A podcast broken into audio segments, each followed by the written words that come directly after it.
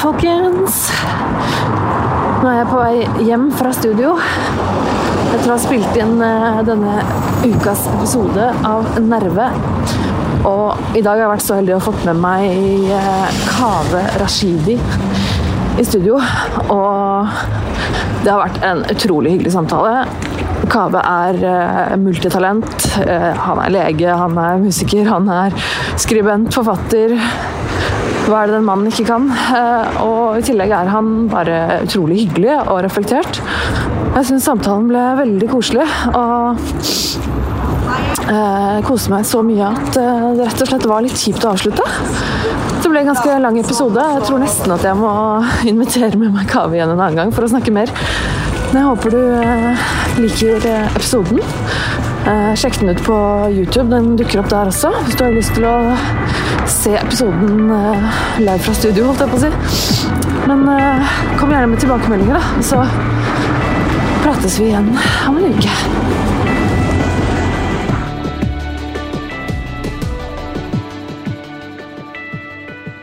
Um, for aller først så skal jeg bare si at uh, Eh, jeg kommer til å bytte eh, releasedag for episode av Nerve til dere som hører på nå. Eh, jeg har pleid å spille inn denne podkasten på tirsdager, og så gis den ut på torsdager. Og jeg har funnet ut at det krasjer så totalt med med den andre podkasten som jeg jobber med, som heter Dialogisk. Fordi da den skal release på tirsdager, og så plutselig blir det veldig mye å gjøre for meg på tirsdager, og jeg får ikke forberedt meg ordentlig, og det bare blir helt kaos. Så jeg har funnet ut at eh, heretter så skal episoden spilles inn på onsdager og gis ut på fredager. Så fra neste uke så kommer denne podkasten her til å eh, gi ut nye episoder på fredager. Bare sånn at dere vet det. Uh, så skal jeg bare ta en liten, kort historie. Fordi uh, siden sist så har det faktisk skjedd ting i livet mitt. Jeg pleier jo ikke å gjøre så veldig mye, uh, men siden sist har jeg vært i Kristiansand. For Dialogisk-podkasten hadde jo liveshow i Kristiansand på kvinnedagen på fredag. Og da var jeg med som en del av crew.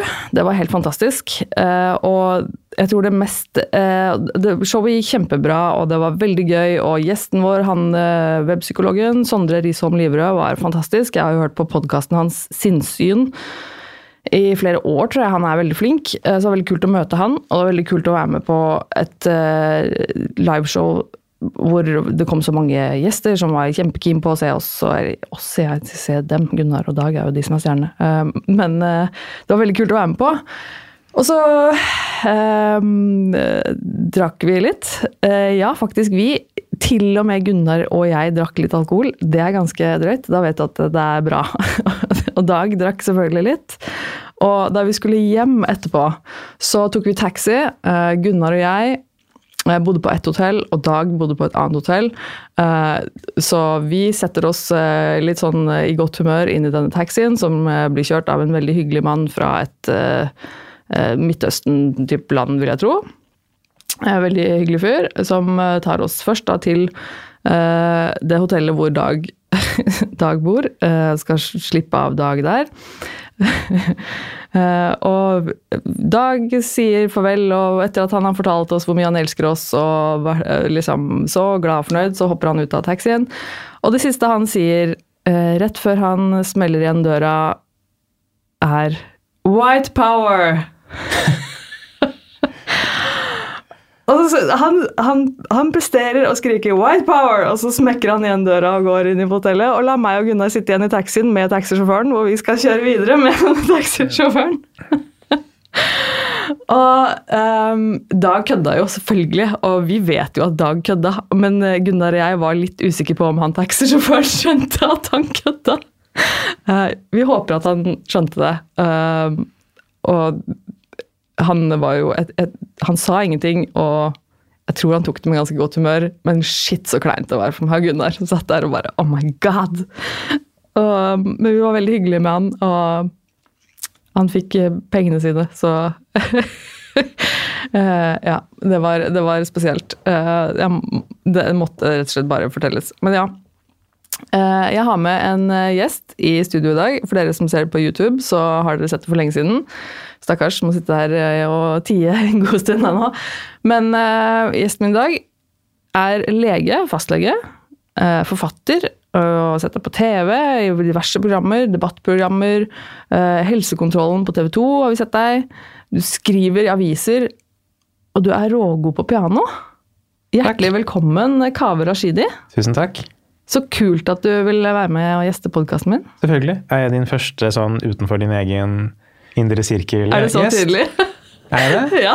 For Jeg husker du snakket om det med Dag Sørås på en av de tidligere Ja. podene. At du har holdt deg til din egen bakgård. ja.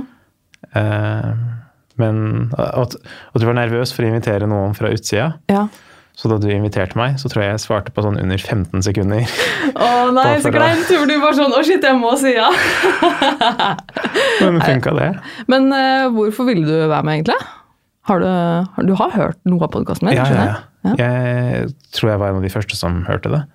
Ja. Jeg hørte i hvert fall fra episode én. Ja, for jeg tror du eh, ga meg en sånn respons en gang i tiden, holdt jeg på Ja, på og du ble veldig begeistra for det. Ja, for det, Det husker jeg. For jeg visste jo hvem du var. Og da du på en måte sa 'stå på, det her er bra', eller et eller annet sånt, nå, så ble jeg jo helt sånn Var det før eller etter at vi For vi har møtt hverandre en gang før på Litteraturhuset. Ja, stemmer. Men det var vel etter at du hadde begynt med poden din, var det ikke det? Eller var det før? Jeg klarer ikke å huske. på Jeg lurer på om det var rett rundt oppstarten av Ja. Jeg tror det kanskje det var rett før, altså. Men det var liksom da jeg hadde Du var et kjent ansikt for meg da også, men det kan hende at det er via stalkingen min av Gunnar. Ja, kanskje det. At jeg liksom sett deg som et vedheng til hans liv, holdt jeg på å si. Ja, det kan hende. Uh, ja. Nei, hvorfor jeg, jeg takker jeg, jeg pleier generelt å prøve å takke ja til så mange som mulig ting Ja. i livet, men den podkasten her er jo kjempehyggelig og fin og bra tema. Det er flott å ikke bare ha sånn hva som har skjedd i kjendisverdenen og influenser-blogger-verdenen-podkaster, Ja. ja. Syns jeg. Ja, og så er det ikke så mye, det er ikke så mye politikk og sånne, sånne ting i denne podkasten. For det er ikke jeg noe god på. Så det Men det styrer jeg unna. Jeg fokuserer litt mer på det, liksom, det som er litt mer eh, jordnært, kanskje. Det er bra. Og så trenger jeg alle muligheter jeg kan ha for ikke å være fysisk på mobilen min. Så hvis jeg har sånn en klokketime hvor jeg kan binde meg til et eller annet hvor det er relativt ikke akseptert å være på mobilen, så er Ja. det konge. Ja, Da ble jeg tvunget vekk. ja. Jeg liker at dette er et sted hvor det er relativt ikke akseptert å være på bilde. Fortsatt relativt. Jeg tok bilde, postet det på Instagram Ja. i starten. ja, men det er helt lov. Men nå har jeg slått den på sånn ordentlig lydløs, sånn at den ikke kommer notifikasjoner, ingenting. Oi, oi, oi. Det er alvor. Det er Alvor. ikke verst. Ja, men Så kult. Eh, Jeg stalka deg litt på Instagram.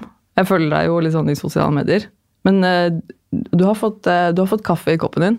Ja, Du er ganske glad i kaffe? ekstremt glad i kaffe. Du er det? Sånn unaturlig voldsomme mengder med koffein, og når kaffe ikke er godt nok, så må jeg drikke energidrinker for å Ja. holde viss mengde med koffein i blodet. ja.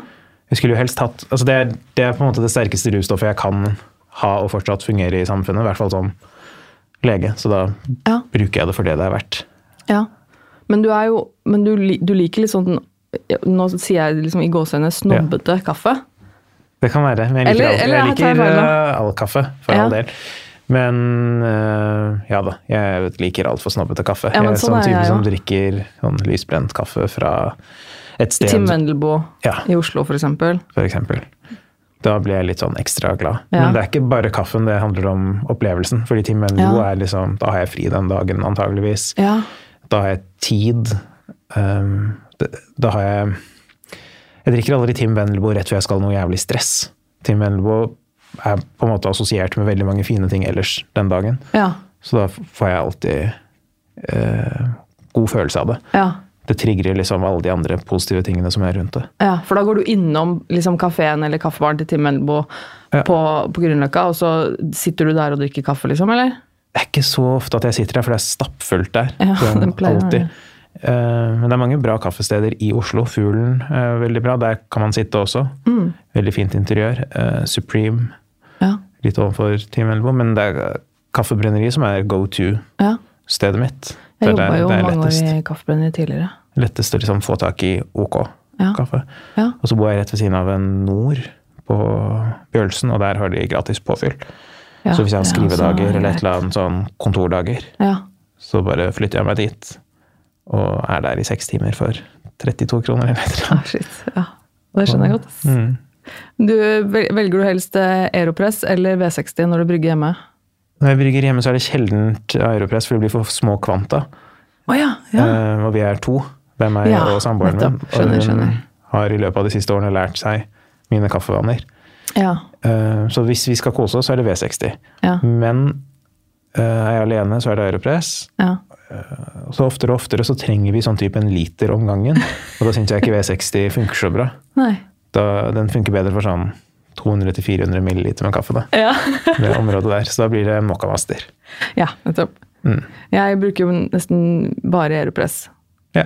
Men jeg, jeg, jeg, for jeg brygger kaffe om morgenen til, til meg og til samboeren min, og da er det Aeropress. Selv om jeg skal brygge to kopper, så er det liksom Aeropressen. Jeg Ja. bruker bare den, jeg. To kopper ville gått unna på 15 minutter for meg. Ja. Så det holder bare ikke. Selv om jeg skal på jobb, så må jeg starte med en to-tre kopper, og så fylle på en termokopp Ja, det er såpass. jobb. Ja. På jobb har vi sånn eh, Nespresso-kapselmaskin. Men da har ikke jeg så mye Der er er jeg sikkert snobbete, men den syns jeg ikke smaker noe godt. Nei, men det gjør den ikke. de Ærlig talt. Det gir meg koffeinkicket jeg trenger, Ja. men that's, that's it. på en Men måte. trenger du, trenger du den koffeinen, liksom? Ja, ja, ja. Blir du sånn trøtt og kjip og sånn, eller hvordan merker du hvis du ikke får kaffe? Det er sikkert bare placebo, altså bare oppi huet mitt, men hvis ikke jeg drikker store mengder med kaffe gjennom hele dagen, Ja. så blir jeg sur. Og bare umotivert, irritert. Ja. Motiva motivasjonsløs, negativ. Det er, det er så mye vondt som kommer ut av det. ja. Og jeg trenger større og større mengder for å få samme kick eh, fra det. Det høres ikke helt bra ut. Nei, men det er verre ting å være avhengig av. ja, det er det Jeg, absolutt. absolutt. jeg liker ideen av å være avhengig av noe, for da kan jeg få belønningssystemet oppi huet mitt til å trigge ut dopamin uten at det liksom trengs heroin eller noen sånn ordentlig Ja. harde saker. da. Ja. Hvis jeg kan få det for kaffe, så er det helt greit, Ja. tenker jeg. ja, jeg ser den. Mm. Er det kaffe som er favorittdrikken? Hvis du må velge eh, liksom hva som helst å drikke, som er liksom det beste som fins, er det kaffe? Det er enten kaffe eller så er det whisky, men whisky er, er vanskeligere å få til å passe med arbeidshverdag. Det, det forstår jeg, men da er jeg glad i whisky òg. Ja. Jeg, jeg har aldri lært meg å like whisky. Det Nå drikker jo ikke er- alkohol lenger, da, men øh, jeg, jeg har liksom aldri lært meg Jeg tror det har noe med at jeg aldri har liksom fått smake alt jeg på å si, riktig whisky.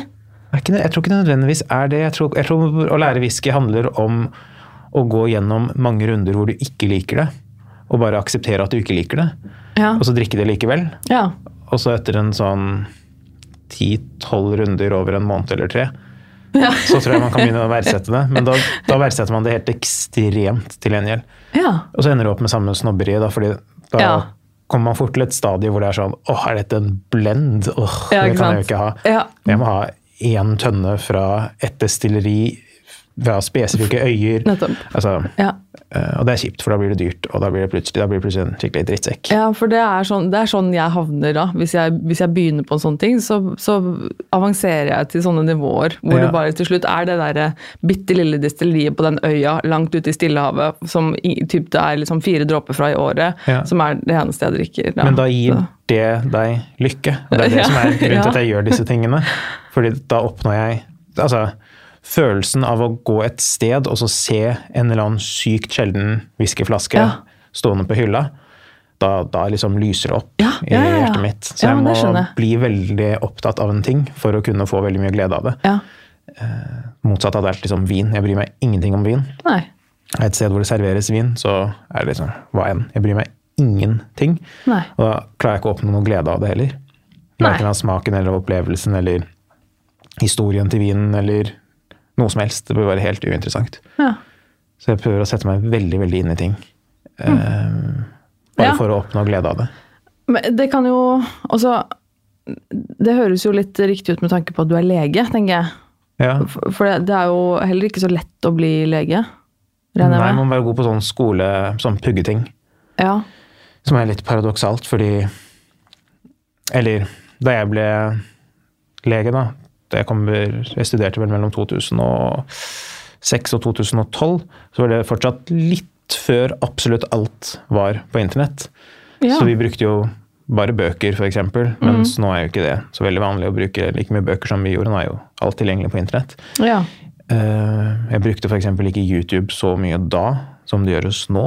Altså, jeg, jeg lærte jo sånn helt enkle ting, da, som å sy eller å sette inn prevensjonsspiral. Ja. Alt det lærte vi jo å øve på hverandre eller å øve på modeller. Men nå lærer man det jo bare på å se på YouTube-videoer. ja, du gjør det faktisk i studiet, liksom. Ja, ja. Og etterpå Ja. også. Ja. Det er ikke rent sjeldent at hvis jeg har pasienter som skal ha noe på legevakta, som, har- som skal gjøre noe som jeg ikke har gjort på en stund, sånn typ sist tror jeg det var å sette en, det er noe som heter nesetampong, da du skal sette en greie dypt, dypt inn i nesa Mm. til noen som har neseblødning, så husker jeg ikke hvordan den he, det helt spesifikke merket av nesetampong fungerte. Oh, ja. Og da googler jeg bare Rino Rapid, eller skriver inn på YouTube, og så finner Ja. du liksom produ produsentens egne video, Ja, nettopp, ja. hvor de viser deg hvordan du skal gjøre det. Ja. Og så prøver jeg å huske det i fem minutter, går inn til pasienten og gjør det. Altså, Men du det forteller ikke til pasienten din at du, Nei, nei. måtte bare sjekke på YouTube. Hadde det vært sosialt dette. akseptert, så hadde det vært best for pasienten at han eller hun hadde syntes det var helt greit at jeg hadde videoen på mens jeg holdt på. Ja.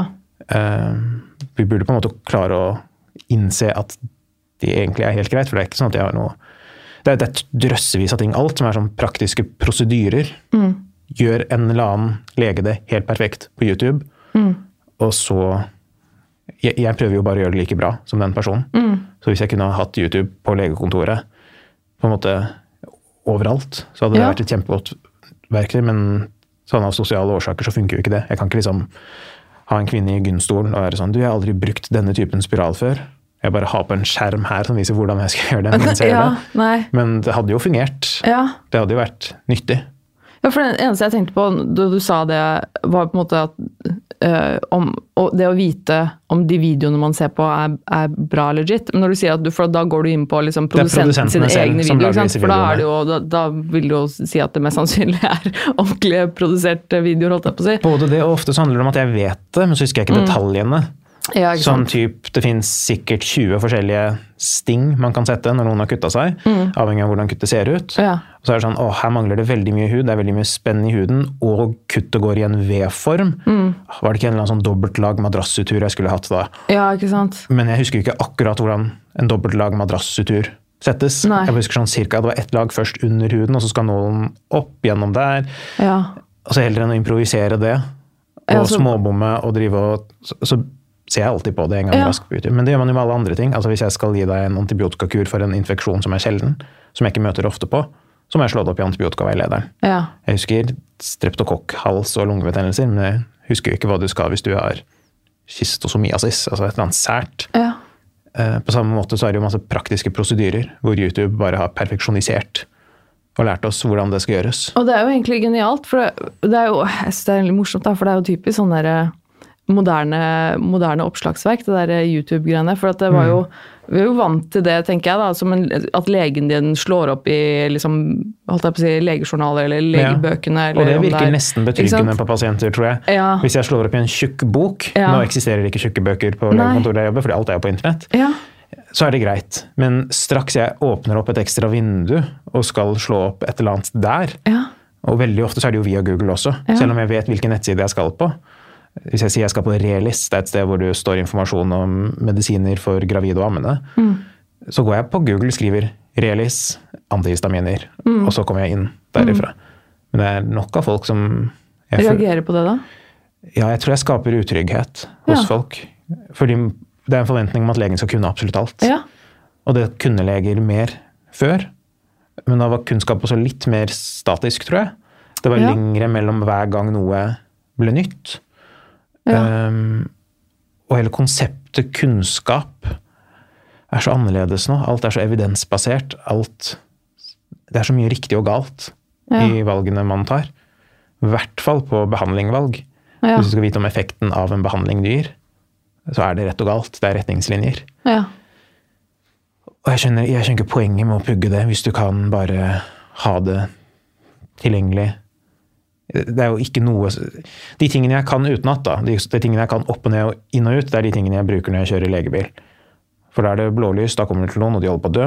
Ja. Og da er det på en måte greit å ikke slå opp YouTube hvordan gjør man hjerte-lungeredning. ja, da kan det være greit å Da kunne det greit handle å kunne raskt, det. på en måte. Da kan det liksom være greit å kunne stappe et rør ned i lungene til noen, eller Ja. ja, bare gjøre sånne praktiske ting. Men akuttmedisin er jo hører til sjeldenhetene. Ja. Folk flest er jo ikke akutt syke. Og når de er det, så kan alle leger det, på en måte. Ja. Men du tenker at egentlig så egentlig så kanskje de legene, de holdt jeg på å si, nye moderne legene våre, de unge legene som på en måte kommer nå, som er deg, og som er folk på vår alder, Mm. er de, tror du de er bedre leger, på en måte, enn de, de Jeg tror de kanskje de er bedre samtalepartnere. Bedre mm, Litt mer sånn hybrider mellom venner og leger, eller samtaleparter, psykologer og venner, Ja. og lege. Mens den derre autorative legen som sitter med hvit frakk, og som forteller deg hva du skal gjøre, og så hører du bare på det, ja. det er veldig sjeldent. Ja. I det hele tatt, det at en pasient kommer inn på et legekontor og bare presenterer problemet sitt, er sjeldent. Ja. Eh, Det er ikke så ofte at Si et barn har vondt i magen, så er det veldig sjeldent at moren kommer med barnet og sier 'Barnet mitt har vondt i magen. Åssen skal vi fikse dette?' Um, det er veldig ofte sånn 'Jeg tror kanskje han er intolerant for laktose. Kan det være noe?' Altså, eh, folk kommer inn med en teori, og så er, er jeg mer en sparepartner eh, og hjelper til med å få folk til å forstå resonnementer ja. heller enn å starte fra scratch, sånn som man ville ha gjort hvis det var legen som satt på sin høye hest og liksom kommanderte hvordan ting skulle gjøres. Som Ja. jo var tilfellet sikkert for noen titalls år siden. ja. For du, du jobber liksom, det er, det er fastlege som er hovedjobben? 50-50. To dager i uka fastlege, Mm. og tre dager i uka som ikke da blir 50-50, så er det blålys. Da kjører jeg legebil og Ja, ja for jeg har sett noen, eh, noen litt sånn actionshots på Ja. sosiale medier. Det er gøy, det. For Ja. når man kjører blålys, så er det jo veldig ofte sånn at det er relativt lange avstander. Sånn type du skal fra 20 km da, og kjører i 180 hele veien. Og alt du vet, er sånn En person som ikke puster der borte. Ja. Man har ikke noe å gjøre på veien dit. Man, liksom man veit jo hva man skal gjøre når man kommer frem. Man tar en samtale med den man kjører sammen med. Liksom, 'Du gjør det, jeg gjør det. Er vi klare?' Fint. Og så er resten bare Jeg kjører jo ikke bilen sjøl, da. Jeg har jo ikke utrykningslapp. Det er jo ambulansearbeidere eller sykepleiere eller noen andre som kjører bilen. Sitter jeg ved siden av. Så da blir det jo filme det på Snap eller Insta eller et eller annet. Og liksom psyke syke deg litt opp, da, sikkert. Og, for Ja, man det er jo ikke alltid man vet vet nøyaktig hva som er- feiler vedkommende som kommer dit, tenker jeg. For du får jo du får en telefon, ikke sant. Eller, fordi Ja, det går en alarm. Din, din rolle er at du er holdt jeg på å si, Bare for å få det klart, for du, du jobber som da Er du en assistent, eller hva på en måte du Hva Nei, si? Nei, da er jeg legen som kommer først til steder er dette på alle ambulan, på en ambulanse? Asker og Bærum kommune, hvis du ringer 113 innafor det området, og den personen du snakker med, tenker at du må ha helsehjelp sånn hyperakutt umiddelbart Ja. Eh, Det skal sånne ting sånn som at man Ja, altså ordentlig alvorlige ting. Og det skjer ikke så ofte, det skjer kanskje sånn fem til ti ganger i løpet av en dag. ja. Det er kanskje ofte, det. Men Men det er jo eh, ganske ofte. sammenlignet med hvor mye folk som kommer på legevakt, da, som er hundrevis av folk, Ja. Mm. så er dette her mer sånn alvorlig sykdom. Og da kjører vi blålys. Ja, for da er, det, da er det, men da er det vedkommende som har ringt 113, eller? Nettopp. Ja. Vi snakker jo aldri med de personene, for vi er ikke trent opp til å ha sånne telefonsamtaler og veilede mennesker over telefonen. Mm. Vi får bare en alarm som ringer i legebilen, Mm. og så en prikk på et kart Ja. og beskjed 'kjør dit så fort du kan'. ja. Så da er det på med blålys og gønne på. Og da vet ikke dere noe mer enn den lille Vi får informasjonen vite det er underveis. Ja. For de slår alltid den alarmen veldig fort. Og så underveis så kommer forhåpentligvis litt personalie opp, fødselsnummer og sånn, sånn at vi kan finne historikken til vedkommende. ja. Og litt sånn om de puster, om de er bevisste. eh, Bare sånn Det er helt basic informasjon som de klarer å få på telefonen. Stort sett er vi jo fremme på fem-ti minutter, så vi ser situasjonen raskere enn det går for en lekmann som er der og ringer inn Ja. og gjenforteller det. Og lekmannens rolle er jo ikke å gjenfortelle situasjonen heller. Hvis det f.eks. er en hjertestans, så skal jo lekmannen gjøre hjerte-lungeredning. Mm. Og da er de opptatt med det. Og så kommer vi og tar over. Utrolig spennende. Mm. Det er veldig morsomt. Det er veldig gøy også å jobbe med andre yrkesgrupper. For veldig mye av disse tingene er sammen med ambulanse og politi. Ja. Um, Du er aldri samme politi, det er bare ambulanse som gjelder deg, på en måte? eller? masse sammen med politi. Oh, ja, Politiet ja. er, Hvis det er skadesteder, det er vi veldig ofte på, sånn bilulykker og sånn. Der er det politiet som styrer. Ja. Um, jeg får ikke lov til å gå inn til Selv om jeg ser at en person liksom ligger og blør i hjel, så kan ikke jeg gå bort til personen før politiet sier at jeg kan gå bort til personen. Politiet sikrer på en måte min helse. Ja. Og sikrer åstedet og sikrer alt. Eh, Så vi kommer kjørende, politiet sier nå kan du få lov til å gå dit. Og så går jeg inn. Som er veldig digg, fordi sånne avgjørelser om sikkerhet og sånn kan jeg ingenting om. Nei, ikke sant. Ja, for det er jo politiets eh, jobb, da. Eller når vi kommer til steder hvor det er utrygt, hvor det har vært vold i familien, hvor det er voldelige mennesker generelt av noe Ja. slag, eller tung psykiatri som med historikk for voldelighet. Da står vi bare og venter, og politiet bryter inn, politiet ordner alt, sikrer alle rom, sjekker at det ikke er noe våpen noe sted. Gjør alt trygt, og så går vi inn. For det er, er det mye psykiatri dere rykker ut på? Ja. Jeg tror psykiatri er sikkert ikke det vanligste, men det går nesten ikke en eneste vakt uten at vi rykker ut på mye selvmordsrelaterte ting, og en gang iblant selvmord. Som er Ja, det er kanskje det Av alle tingene jeg gjør på jobben min, så syns jeg det er det mest utfordrende. Sånn folk som har hengt seg. Mm. Som veldig ofte er den måten vi finner dem på. det. Um, det er tunge, vanskelige, lange oppdrag. Kanskje et rart spørsmål, men hva, hva, er det, hva er det som er tyngst med det? Hva er det du syns er vanskeligst med det? liksom? Um, Er det, er det Jeg syns det å Det tror jeg ikke man noen gang blir vant med, men hver gang jeg har sett et lik hengende, så jeg syns Altså, jeg kommer ikke over det. Det tar sånn Hvert eneste lik jeg noen gang har sett hengende, er pr sånn dypt inni hjernen min. Ja. Mens vi syner også veldig mange naturlige dødsfall. Dvs. Si mennesker som man forventet skulle dø. Gamle folk på eldrehjem og sånn.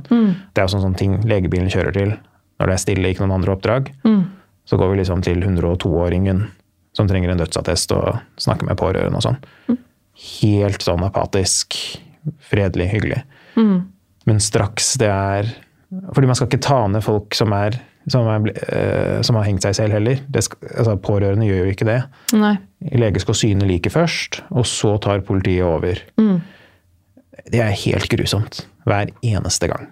For det er liksom Det er unge folk. Det er folk man også til en viss grad relaterer seg med. Um, bare sånn vanlig kledd unge Og så er det veldig ofte menn som henger seg også, da. Ja. Jeg tror det er den derre rela... rela skal man si Man ser seg selv lite grann i bare liksom Ja. sykdommen Ja. folk flest som er syke eller døende eller et eller annet sånt, er jo ikke unge. Nei. Akkurat henginger og selvmord er veldig mye unge folk Ja. som gjør det tungt. ja, det kan jeg skjønne. Det blir liksom litt nærmere deg, på en måte. Mm. Kan jeg tenke meg, da. At når det er gamle mennesker som dør av diverse naturlige årsaker, så er det på en måte noe vi er vant med at det er naturlig. På et vis. At vi, vi skal jo alle dø. Ja. Og på et, på et vis så må vi på en måte alle forholde oss til det på et eller annet tidspunkt. Som regel med foreldre, besteforeldre, og sånne ting. At det er vel noe vi vet at kommer, men når det er unge mennesker som Og som ikke, ikke bare det at de er unge, men også det at de velger det selv, liksom. Da. tenker jeg at det må være Ja. noe ekstra tungt og liksom vanskelig med det. Og så er det det apparatet som blir etter det, fordi vi skal jo også være der for pårørende. Det er også Ja. En veldig tung oppgave. Ja, for jeg tenkte det må jo også være en, en, en utfordring med sånne situasjoner. Da er det jo ikke bare, ikke bare det med at det er vanskelig å, å finne et, et menneske som har valgt å ta livet av seg, men også Det må jo sikkert ofte være mennesker der som er glad i dette mennesket som er død. Som gjerne har funnet vedkommende også. Ja, og som sikkert er eh, Mm. Mildt sagt ganske traumatisert og midt i et forferdelig kaos. ja.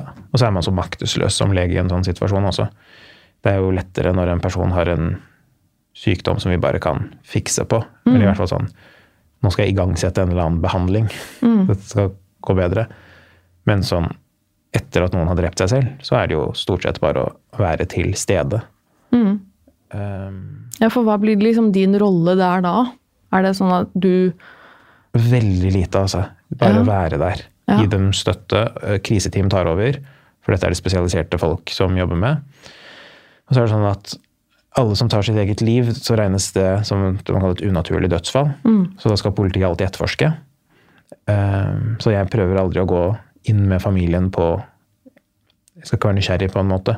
Sånn 'Å, visste dere at dette skulle skje?' Eller hva, 'Hva var det dere tenkte rundt dette?' Altså, Jeg bare er der mens Ja. de gråter, Ja. på en måte, og svarer på spørsmål.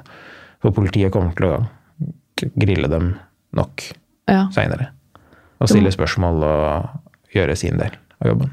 Det må sikkert være en, eh, en viktig rolle, tenker jeg da. Din rolle oppi det der. Som, som lege, så tenker jeg at da For de, for de pårørende som er der, så er det sikkert viktig å, å se deg der, ikke bare Ja, Ikke bare, politi og, og holdt jeg på å si, skumle ting. Da. At, du, at du kanskje blir den, den eh, hva skal jeg si, den beroligende parten, holdt jeg på å si. Den, Ja. den, den parten som skal ta vare på dem, eller jeg vet ikke. Akkurat det der er sykepleiere ekstremt gode på. da. Mm. Og jeg kjører jo alltid med sykepleier på sånne Ja, oppdrag. ja. Så fortsatt så er, altså Politiet er jo veldig kalde og distanserte. De har jo ingen sånn emosjonell støtterolle for noen. Eh, Det er liksom ikke deres oppgave. Nei. Jeg er liksom en sånn mellomrolle. Ja. Men sykepleierne det er på en måte de som henter et glass vann og ber folk puste med magen og ordner sånn det emosjonelle i sånne situasjoner. da. Mm. Når liksom mor har frika ut og vil ringe jobben til eh, sønnen som har hengt seg fordi han ikke kommer på jobb i morgen. Så er det Ja, sykepleier som er sånn Du, det går greit, trenger ikke å ringe akkurat nå. Det, Ja. det er så mye sånn kaos Mm. som man trenger en sykepleier til Mm. for å roe ned. Klarer du å legge fra deg det på jobb når du, når du drar hjem? Hvis du har sånne dager Nei, ikke på sånne, sånne ting legger jeg ikke fra meg i det hele tatt. Nei. Hvordan, hvordan, er, hvordan takler du det, liksom? Etterpå? Nei, jeg syns det er kjipt. Jeg syns fortsatt det er kjipt. Sist jeg var på en henging, var kanskje for to måneder siden. Mm. Fortsatt kjipt. Ja. Kommer Ja. Men blir, blir, altså, blir du ikke påvirket av det psykisk, på en måte? Er det, liksom, er det kjipt, men klarer du å distansere deg fra det såpass mye at det ikke blir en påvirkning, liksom? Det er ikke sånn at du negativ- gruer deg til neste gang du skal på jobb, eller Nei da, det er ikke en negativ påvirkning, i hvert fall. Jeg tenker tvert imot. Jeg blir veldig sånn ydmyk til konseptet liv. Ja. Um, og så blir jeg veldig sånn oppmerksom på at det har veldig store negative konsekvenser fordi eh, altså, Det er veldig mange som er veldig glad i han, selv om man ikke tror det. Mm. Sånn helt uten unntak. ja. Eh, så skaper det veldig mye sorg eh, når noen tar sitt eget liv. Mm. Som jo selvfølgelig ikke er lett å se for den som gjør det. For det hadde, det hadde ikke vært motivasjon for å ikke gjøre det. Mm. Um, men ja, det, det er bare så eksistensielt trist, hele konseptet legearbeid i sånne settinger. Fordi da går man mellom de som streber så voldsomt med å holde liv i seg sjøl, sånn kreftsyke eller hjertesyke eller altså sånn Hvor alt vi gjør og alt de vil ha, er litt mer liv. Og rett derfra til noen som har ja. tatt sitt eget liv. Det er en sånn ubalanse i det regnskapet. Det var veldig veldig stor kontrast. Ja, Wow. det er en ja. sånn eksistensielt feil som foregår, på en måte. Ja. Eh, Egentlig veldig, det har jeg ikke tenkt på. Det er egentlig veldig interessant det du sier der. Mm. At det er litt sånn du, På den ene siden så har du liksom noen som gjør alt de kan for å få liksom de siste månedene eller de siste ukene, eller hva det skal være, som på en måte ikke vil dø for alt det er verdt, liksom. Og så har du rett til noen andre som har valgt å dø, og som tilsynelatende har hele livet foran seg, og som Mm. Og rent objektivt kan de ha helt identiske liv. Mm. Altså, det kan være to versjoner av samme unge, lovende person. Hvor den ene bare har et helt annet syn på sitt eget liv, og helt andre og fått på en måte andre kort utdelt i livet mm. enn den andre.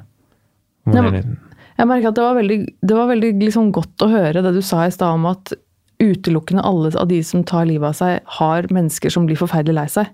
ja, ja.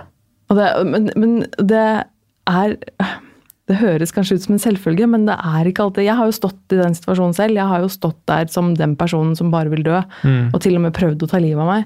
Og det er, det er virkelig et perspektiv du ikke skjønner, ikke tror på, ikke, ikke ikke, er ser i det hele tatt når man står i det bobla.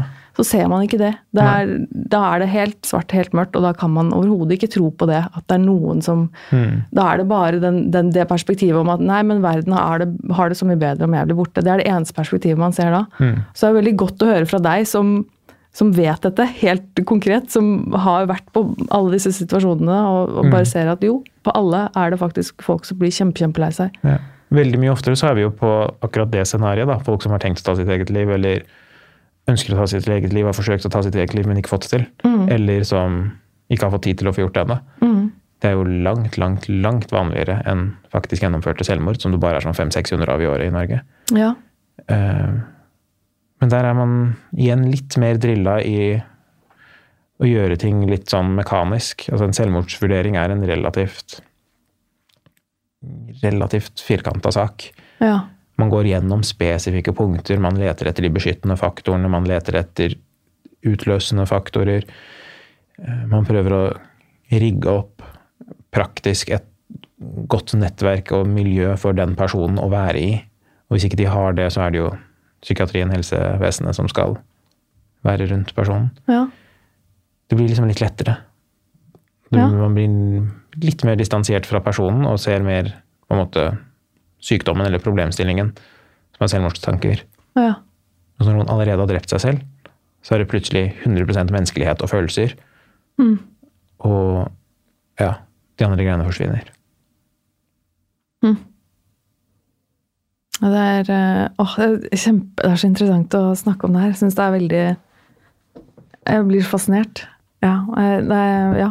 Eh, Men fordi du Da jeg spurte om du ville være gjest, så har jeg, med alle de, de få gjestene jeg har hatt med hittil, så liker jo jeg at vi skal snakke om ting som gjesten syns er hyggelig å snakke om. Jeg liker jo at dette skal bli mer en sånn samtale enn et sånt intervju. Jeg syns det er litt sånn så stivt med sånn intervju med spørsmål og svar, liksom. Og da skrev du at eh, vi gjerne kunne snakke litt om skillet mellom psykisk sykdom og hva som er vanlige utfordringer. Ja. Jeg det- glemt at jeg skrev dette. Ja. Det var en fin ting å kunne snakke om. Ja, jeg syns det. Interessant. Fordi, og det, det syns jeg For da skrev du uh, skille mellom hva som er psykisk sykdom, og hva som er vanlige utfordringer. Depresjon vers- versus deppa, ADHD versus energisk, angst versus engstelse. Sånne ting som det. Og når er man egentlig syk? Ja. Og det syns jeg, jeg er veldig fint å snakke om. Og det tror jeg er veldig relevant også med tanke på litt sånn alt det man ser rundt i sosiale medier, og veldig mye av det som motiverte meg også til å starte denne podkasten. Også fordi at jeg syns det er veldig mange som snakker om eh, de, de angstene sine, om det er litt sosial angst, eller om man er litt lei seg eller deppa, eller veldig lett å ta på seg gjør, eller det er i hvert fall det inntrykket jeg får, da, at det er lett å kanskje krydre seg selv litt med det, med det at man er litt deppa eller, eller eh, litt, har litt angst, for å gjøre seg selv litt mer interessant, kanskje, i noen tilfeller. da. Eh, og så blir det på en måte eh, plutselig at Jeg føler at det blir litt feil. For det, det å ha en, en diagnose med en angstlidelse, eller det å være klinisk deprimert eller ha ADHD, det er jo ikke det samme som å være litt lei seg en dag. Eller Nei, og jeg tror ikke man har godt av å bli stempla som deprimert eller engstelig eller har ADHD hvis ikke man virkelig har det. Nei. Eh, Det er liksom en bås man helst ikke vil bli satt inn i, med mindre det kommer noe veldig positivt av å være i den båsen av typen Da vet du at du får riktig type behandling. Um, men man har jo generelt sett ganske høye standarder til seg selv veldig ofte. Altså hvor terskelen for hva som er uh, frisk, er veldig høy. Um, så straks man ikke oppnår en sånn høy lykkefølelse kontinuerlig, og høy konsentrasjonsevne og gode sosiale relasjoner og gode sosiale ferdigheter, um, så er det lett å si at man er sjuk, heller enn å se at det er bare sånn man er av natur. Um, for det er jo mange som har masse negative tanker. Det er jo mer personlighetstype enn sykdom. Samme engstelse. Å være en engstelig type er jo ikke noe sykdom. Å sjekke at døra di er låst tolv ganger før du drar hjemmefra, er ikke OCD. Det går helt greit. Du er bare litt stressa for om du låste døra di og er litt mer enn gjennomsnittet på det. Ja. Um, men vi lever liksom i en tidsalder hvor det er veldig mye diagnoser ute og går. Tenker du på deg sjæl, så er du narsissistisk. Sånt ord som kastes rundt hytt og pine overalt. Um, men det er fortsatt en veldig stor forskjell mellom de alvorlige psykiske lidelsene, de som faktisk gir en funksjonsnedsettelse som gjør at du skiller deg ut fra gjennomsnittet i befolkningen og sliter med å få til vanlige ting. Gå på jobb, lage deg mat, eh, handle i butikken, ha dialog med mennesker. Um, de, blir liksom litt utvanna, da, hvis alle sammen skal være deprimert eller ha angst. Ja. Det tar litt vekk eh, fokus på de som aller mest trenger den hjelpen, Mm. tenker jeg da. Ja. Uh, jeg, jeg tror det er litt sånn Jeg er så delt på det. Eller sånn, jeg, tror, fordi at jeg er så enig i det du sier nå, om at det, det fratar liksom litt tyngden og alvorligheten det betyr for de som har ordentlige problemer med det. Og samtidig så liker jeg også det at, at man kan snakke lettere om det. At hvis det blir at, Jeg vil jo gjerne at man at, For det er jo ikke uvanlig at man går gjennom en periode i livet hvor man er deprimert. Eller det er jo ikke uvanlig heller å oppleve angst. Eh, og også altså, Alt er jo grader, selvfølgelig, men også i grader kan man jo også ha angst hvor det blir kriplende, og man har perioder hvor man ordentlig sliter med angst, f.eks. Og jeg syns jo det er bra at, at det blir at det kommer fram hvor vanlig det er. da. At det faktisk ikke er så uvanlig at folk opplever det periodevis. Så det er jo positivt, men samtidig så blir jeg litt sånn, som du sier, at det, det Men det er ikke noen motsetninger. Det, at, det å normalisere det betyr jo nettopp det at vi sier at det ikke er sykdom. At det er bare helt vanlig å føle seg engstelig. Uh, uten at man har en diagnose av angst av den grunn. Uh, og så er det enig at det er flott med åpenhet, at folk kan snakke om sånne ting, men vi mangler jo fortsatt åpenhet for alvorlige psykiske lidelser, tenker jeg. Av typen hvis du sitter ved lunsjbordet på jobben, så kan du jo fortelle om at shit, forrige uke så var jeg nesten i en, bi, jeg var i en bilulykke og jeg nesten døde. Altså det var så lite som skulle til. Og da blir folk sånn wow, sykt, det er jo helt vilt. Går det bra med deg? Men du kunne ikke sagt sånn Jeg sto på balkongen og vurderte å kaste meg sjøl utenfor. Holdt nesten på å dø. Gjorde det ikke, da. Da, da, er, da er det jo helt Det er ikke sosialt akseptert å snakke om. Nei. Men selv om i realiteten så er begge deler sykdommer Eller begge deler er nær døden-opplevelser, da. Ja. Som men, men på den ene så er du plutselig helt gæren hvis du Dårlig valg av ord. Så er du helt Nei, men ja, skjønner. rar, da. Du er ikke liksom Du følger ikke sosiale normer. Og det, det, det syns jeg er veldig rart også. Jeg merka også, som jeg nevnte, det er mye av grunnen til at jeg starta den podkasten her, og noe av det jeg ønsker å prate at, mer om, er de litt mer heftige greiene. Altså, jeg, ja, jeg har depresjon og angst, jeg har mye erfaring med det, men jeg har jo slitt mye med, med spiseforstyrrelser, og jeg har jo diagnose med personlighetsforstyrrelser, og det er liksom eh, og posttraumatisk stress og sånne ting er det heller aldri noen som liksom snakker om. Nei. Det er ikke, for det, da blir det plutselig sånn litt for, Det er nesten så da blir det for vondt. Da blir det for vanskelig. Da er det Ja. liksom ikke noe folk har lyst til å forholde seg til. Enig. Det jeg kan anbefale, er se, I går så kom det en ny TV-serie på NRK. Jeg har skrevet om den i VG i dag. 'Sinnssykt' heter den. Eh, lagd av Cecilie Kåss Furuseth. Ja. Lillesøstera til Else. Eh, hvor hun møter fem forskjellige mennesker med alvorlige psykiske lidelser. Prøver ikke å liksom forklare noe eller gå altfor dypt inn på det, men bare eh, følger dem. Lar oss se hvordan livet med alvorlig psykisk lidelse er. Eh, Første episode er igjen med OCD. Og da, da skjønner man liksom hva det faktisk vil si å ha OCD. Um, en med schizoaffektiv lidelse, mener jeg det er der. En med en komplisert sorgprosess etter å ha mistet kjæresten sin. Ja. Og det var en til sykdom du nevnte som er der også. Men de er kjempefine. De, det er bare seks episoder. Ligger ute på NRK nett-TV, og du kommer dypt inn på folk. Men samtidig på en sånn lettbeint måte som ikke gjør det for overveldende. Da. Jeg har uh, fått med meg få, Jeg har ikke sett det ennå. Jeg, har gledet meg til å se det, men jeg har fått det med meg i, via sosiale medier at den, at den er blitt laget. Så det er på en måte, den står på lista mi over ting jeg skal få med. Så. Det er veldig verdt å se. Og så er den litt sånn det beste av to verdener også, fordi man trenger noe som er veldig folkelig og enkelt.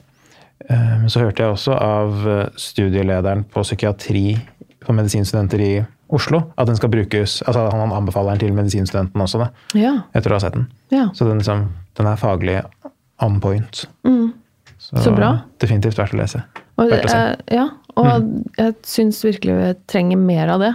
Mm. Mer åpenhet rundt de tingene som er litt mer heftig enn enn depresjon og angst. Og nå skal jeg ikke si at depresjon og angst ikke kan være heftig, for det kan det absolutt være. Men, ja, men mer åpenhet om men- det også, da. ja. Ordentlig alvorlig Eller all depresjon og all angst er jo ordentlig, men de alvorlige tilfellene som er krøplende og helt invalidiserende, Mm.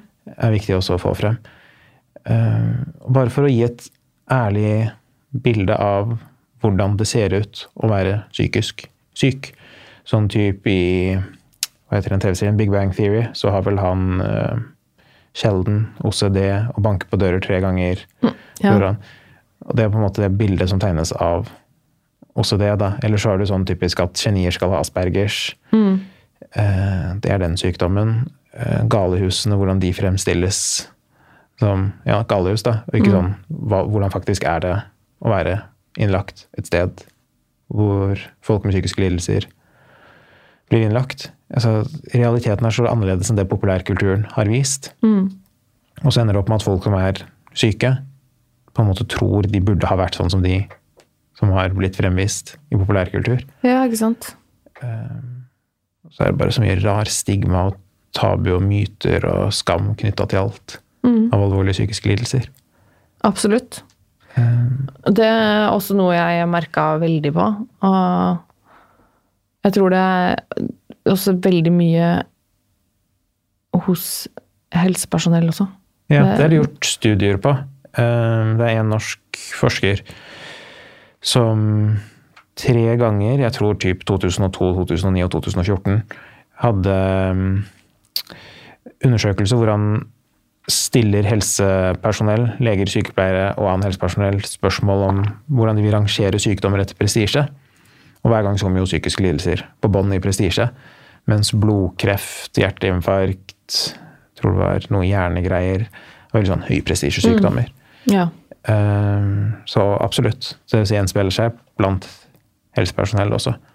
At de tingene vi fysisk kan se, og som er lette å forstå, og hvor utviklingen er rask og dramatisk, de har høy prestisje. Mm.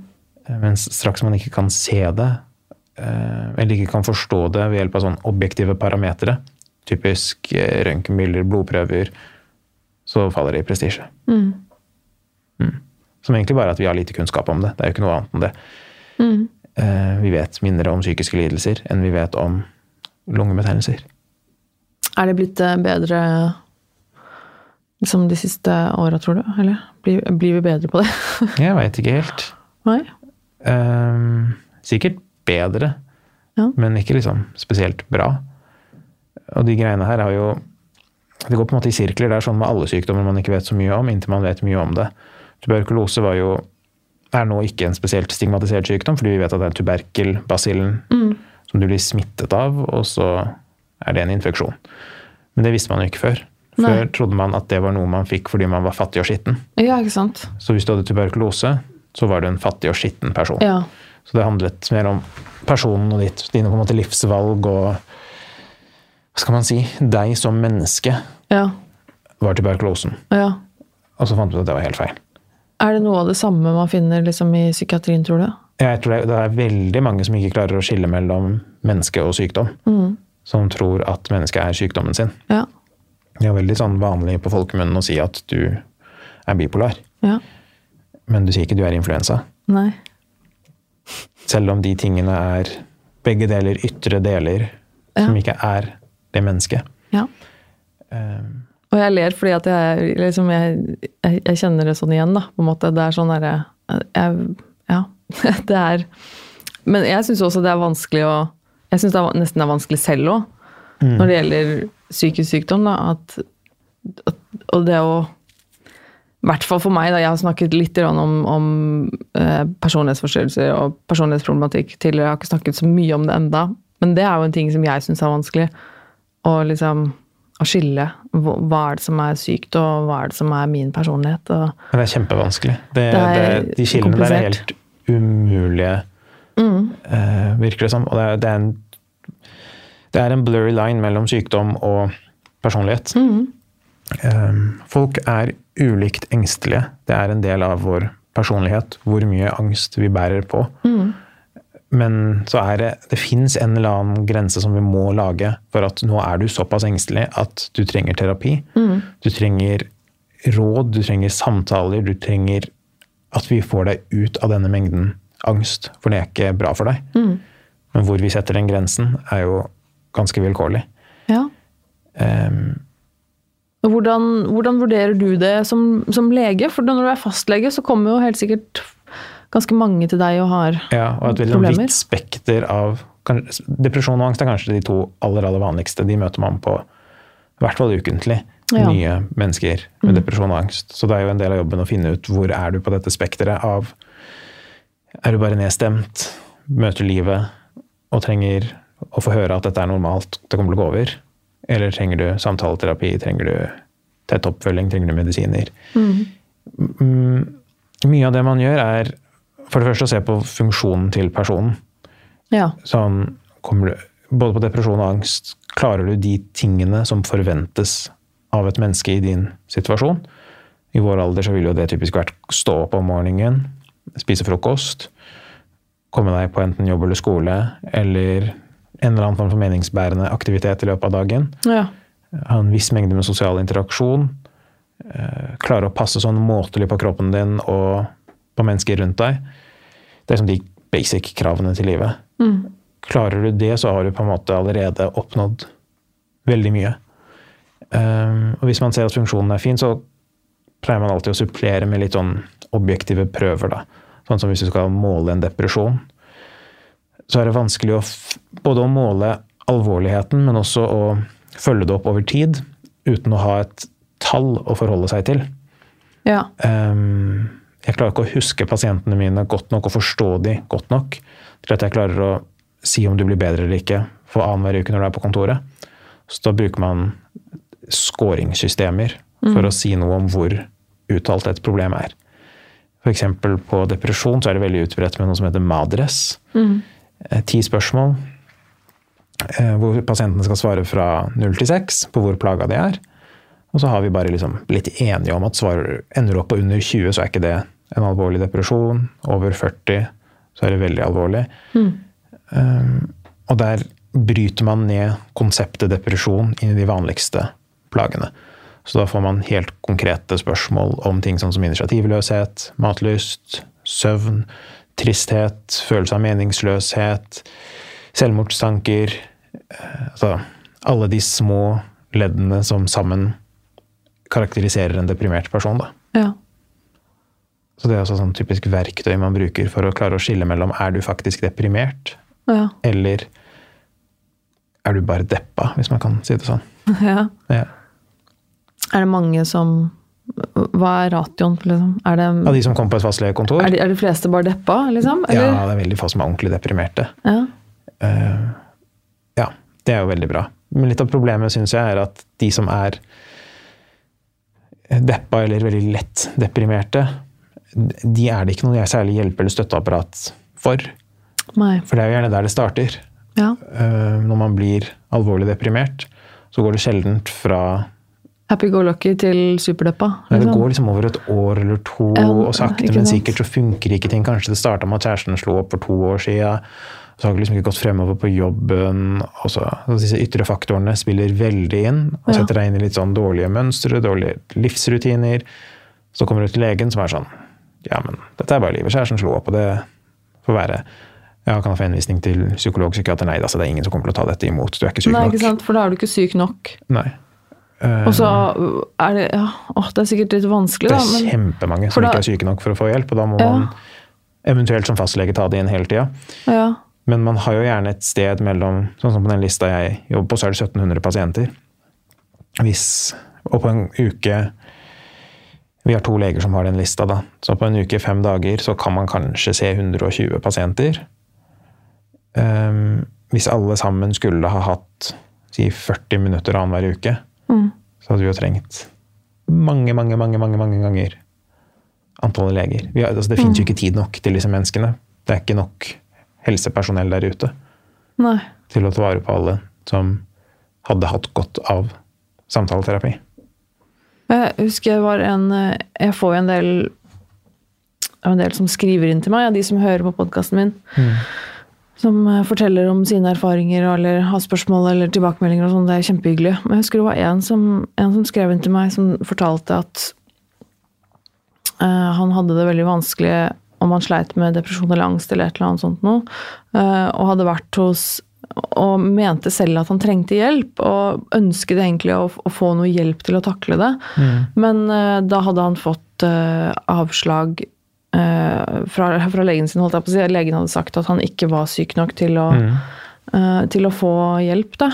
Uh, og da tenker jeg at jeg skjønner, jeg skjønner, jo på en måte Jeg skjønner jo det du sier, jeg skjønner at man må ta en vurdering, og samtidig så skjønner jeg at det må være fryktelig frustrerende og vanskelig å vite hva man skal gjøre som pasient da også, tenker jeg. At ja, hvis man har oppsøkt den hjelpen og sier at ja, men jeg har det vanskelig, jeg vet ikke hvordan jeg skal takle det, og så får man mm. beskjed om at men sorry, du er ikke syk nok. Men i praksis, det som skjer da, er at de som har mye penger, går til private psykologer mm. og psykiatere og betaler 1200-1400 kroner per 45 minutter. Ja. Og for veldig mange så er ikke det noe problem. De kan bruke 5000 kroner i måneden uten å merke det.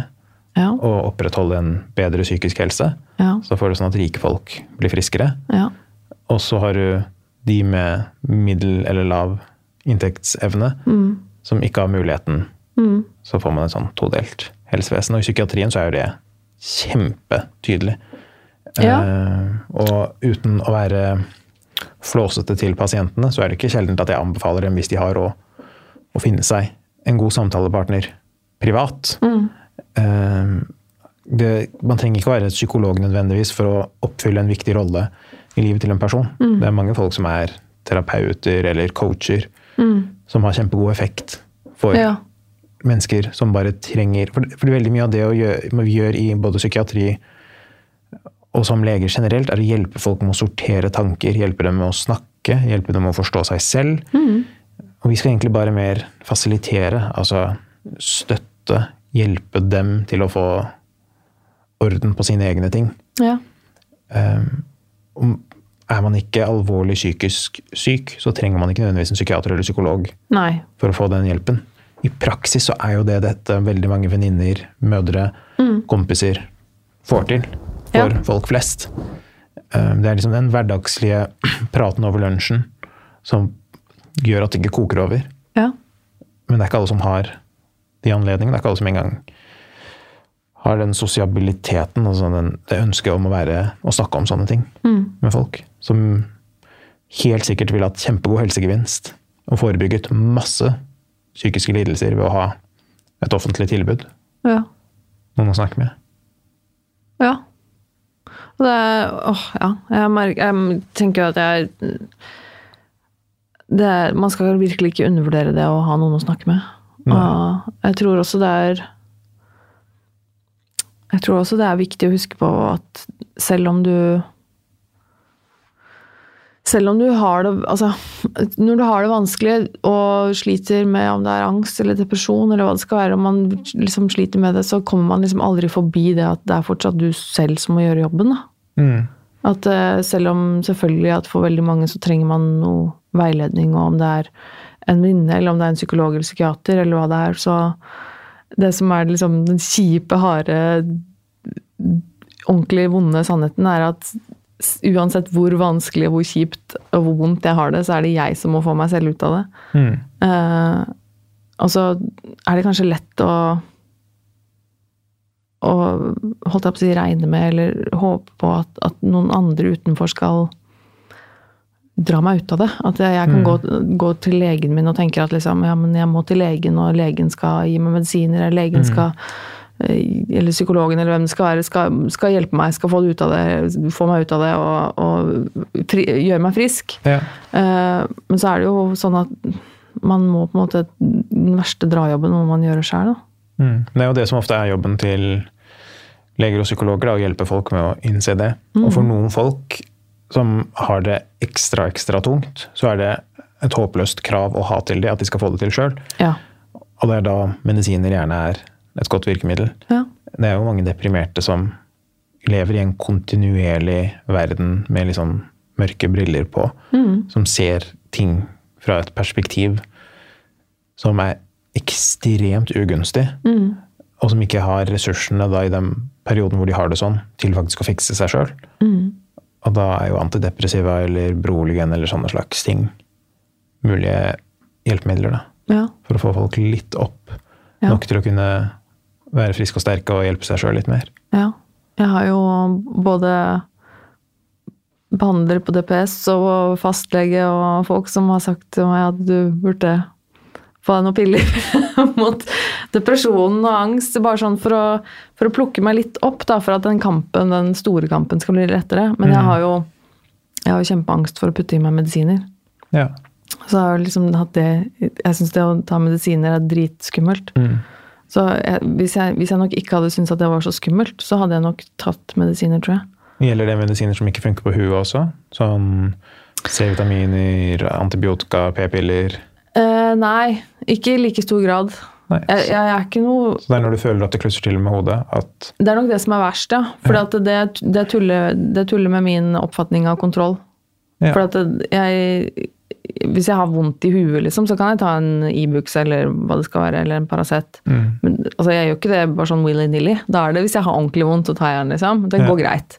Jeg prøver å unngå det òg, men det er litt sånn Men når det gjelder sånn sånne medisiner som, som tukler med kjemien i hjernen min, det gir meg litt noia, rett og slett. Det er det Paracet gjør, det. ja, ja. Det tukler med kjemien i hjernen din. Eller ingen vet jo egentlig hvorfor Paracet er smertelindrende. Det er for sant, ja. Det, er, eh, det bare er det. Ja. Men at det tukler med kjemien i hjernen din, er ikke noe tvil i. Det er jo der smertesenteret sitter. Ja. Det gjør at celler og signaler og nevrotransmittere funker annerledes enn det de ellers pleier å gjøre. ja.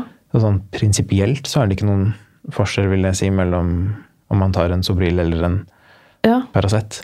Og jeg, jeg vet jo det også, så rasjonelt. Men likevel så gir det meg angst med tanke på at jeg skal ta medisiner som skal eh, hjelpe meg med depresjonen eller angsten. Da. For mm. det bare Det bare gir meg en sånn tanke om at men da mister jeg kontrollen. Den, da eh, Det er ikke Ja. veldig rasjonelt. Nei, jeg, jeg vet det, men eh, det trenger det ikke å være. Ah, nei, det er, disse følelsene våre er ikke alltid rasjonelle. Det hadde vært veldig kjedelig hvis alle var veldig rasjonelle. Hadde levd i et samfunn med meg. ja, For du er ikke så veldig følelsesstyrt. Nei, jeg er en veldig rasjonell type. Ja. Ja. Jeg har blitt mer og mer følelsesstyrt. Siste sånn året, to åra, så merker jeg oftere og oftere at sånn type Jeg reagerer på filmer sånn eh, emosjonelt. Ja. Eller at jeg kan se en eh, At ting som tidligere bare prelte av meg. Sånn som jeg så Hva var den het? Nye filmen til Natalie Portman. Vox? Flux? Ah, jeg husker ikke hva den heter. jeg. Oi, oi. nå den må anbefales. Det er en veldig fin film. Um, navnet var bare så uinteressant, holdt jeg på å si. Men den åpner i alle fall med å vise en skoleskyting. Å, Og jeg visste ikke at det liksom var åpningsscenen. Jeg bare så en fyr som gikk inn i et klasserom, jeg. Som en unge, liksom. ja, for du visste ingenting Jeg om visste ikke- filmen, ikke nei. sant? Så du, ja. Jeg visste ingenting om filmen da jeg ikke så den. Jeg visste ikke hva den handla om engang. Jeg visste liksom ikke basics. Nei. Og så er det liksom en scene fra typ, jeg tror det er sånn 70-80-tallet i USA. En typisk skole. Ja. Kommer en kid inn, litt sånn goth-aktig kledd. Og så fikk jeg liksom oppleve en skoleskyting på en helt latterlig realistisk måte. Da satt jeg og skalv hele resten av kvelden og natten og måtte liksom ha debrifing for det. Jeg prøvde det- å google, men eh, nettet her er så dårlig, så beklager litt. det? For Åh, putte, jeg jeg, jeg mobilen det i shownotes. En unnskyldning til å ha med, ta opp mobilen. Jeg får sånn irritere meg når jeg sitter her med og er sånn fact-checker. så får jeg ikke fact-checka fordi at jeg har ikke internett. Nei, men det er eh, Jeg har fått mer følelser i det siste. Ja, for det er en tvil. sånn ting som du ikke ville på en måte reagert på før. Ikke tidligere. Vox Lux het filmen. Ok, jeg skal Ja. Veldig ålreit. Fin. Eh, givende film. ja. Natalie Portman er alltid flink. Ja, jeg har også sansen for henne. Altså. Mm. Hun spiller en veldig fin rolle i den også. Altså Langt unna der du ellers har sett Natalie Portman. Ja, Veldig sånn kult. sterk jeg karakter og figur. Men hva er det som gjør at du har blitt så mye mer eh, følsom? Nei, jeg vet ikke. Er det, er det etter at du begynte med jobben du er i nå? Nei, som har nei, nei, jeg tror ikke det har noe med jobben å gjøre. Har du bare blitt Jeg mer voksen? det. Ja, kanskje det er bare det. Jeg, bare merker, jeg merker jo mer på jobben også. Ja. At jeg eh, har hakket mer empati med pasienter enn Ja. jeg pleide å ha. Men jeg vet ikke hva det er. Um, jeg har bare blitt mindre kald over tid. Som er litt slitsomt også. Ja. Det er enklere å være kald Ja. og rasjonell og ja, men det har jeg ikke noe problem med å forstå. For det er faktisk eh, Følelser er slitsomt. ja. Og hvis jeg liksom ser tilbake til da jeg var sånn typ 18-19-20, Ja. da føler jeg nesten at jeg liksom emosjonelt eller Altså, jeg eksisterte jo nesten ikke. Det var, jeg bare gjorde ting. Ja. Og alt var så enkelt. ja. Men nå betyr ting Ting betyr noe på en annen måte. Det er vanskelig å forklare. Ja. Jeg tror det er det du sier, at man vokser. Ja. Bare. Ja, for det er, ikke noe, det er ikke noe sånn at du kan pinpointe hendelser eller ting som er du har gjort eller skjedd som på en måte har forandret deg. Det er, det er på en måte gradvis bare noe som har skjedd. Jeg tror det er veldig gradvis. Ja. Jeg tror ikke det er sånn en hendelse. Men fortsatt så er jeg sånn på et spekter da, av sånn følelsesmenneske. Så scorer jeg fortsatt veldig lavt. Jeg er fortsatt ikke følelsesstyrt. Um, men jeg har flere og flere opplevelser der følelser spiller en viktig rolle. F.eks. kaffedrikking. Ja.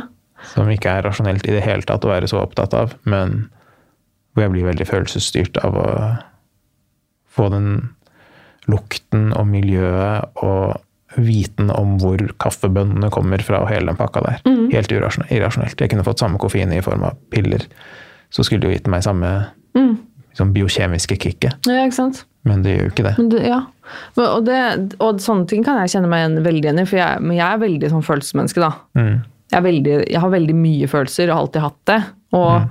eh, er veldig sånn Kan bli veldig sånn knytta til ting og kan, jeg er sånn tull, kan få sånn tullete, betydelige opplevelser av tilsynelatende sånn ingenting. Ja. Som på en måte kan bare gi meg en sånn rørende følelse. At det skal være, som du sier, en liten kaffekopp eller altså sånn jeg, jeg, For eksempel, jeg er veldig sånn henger opp i, i Japan og japansk kultur og språk. og Mm.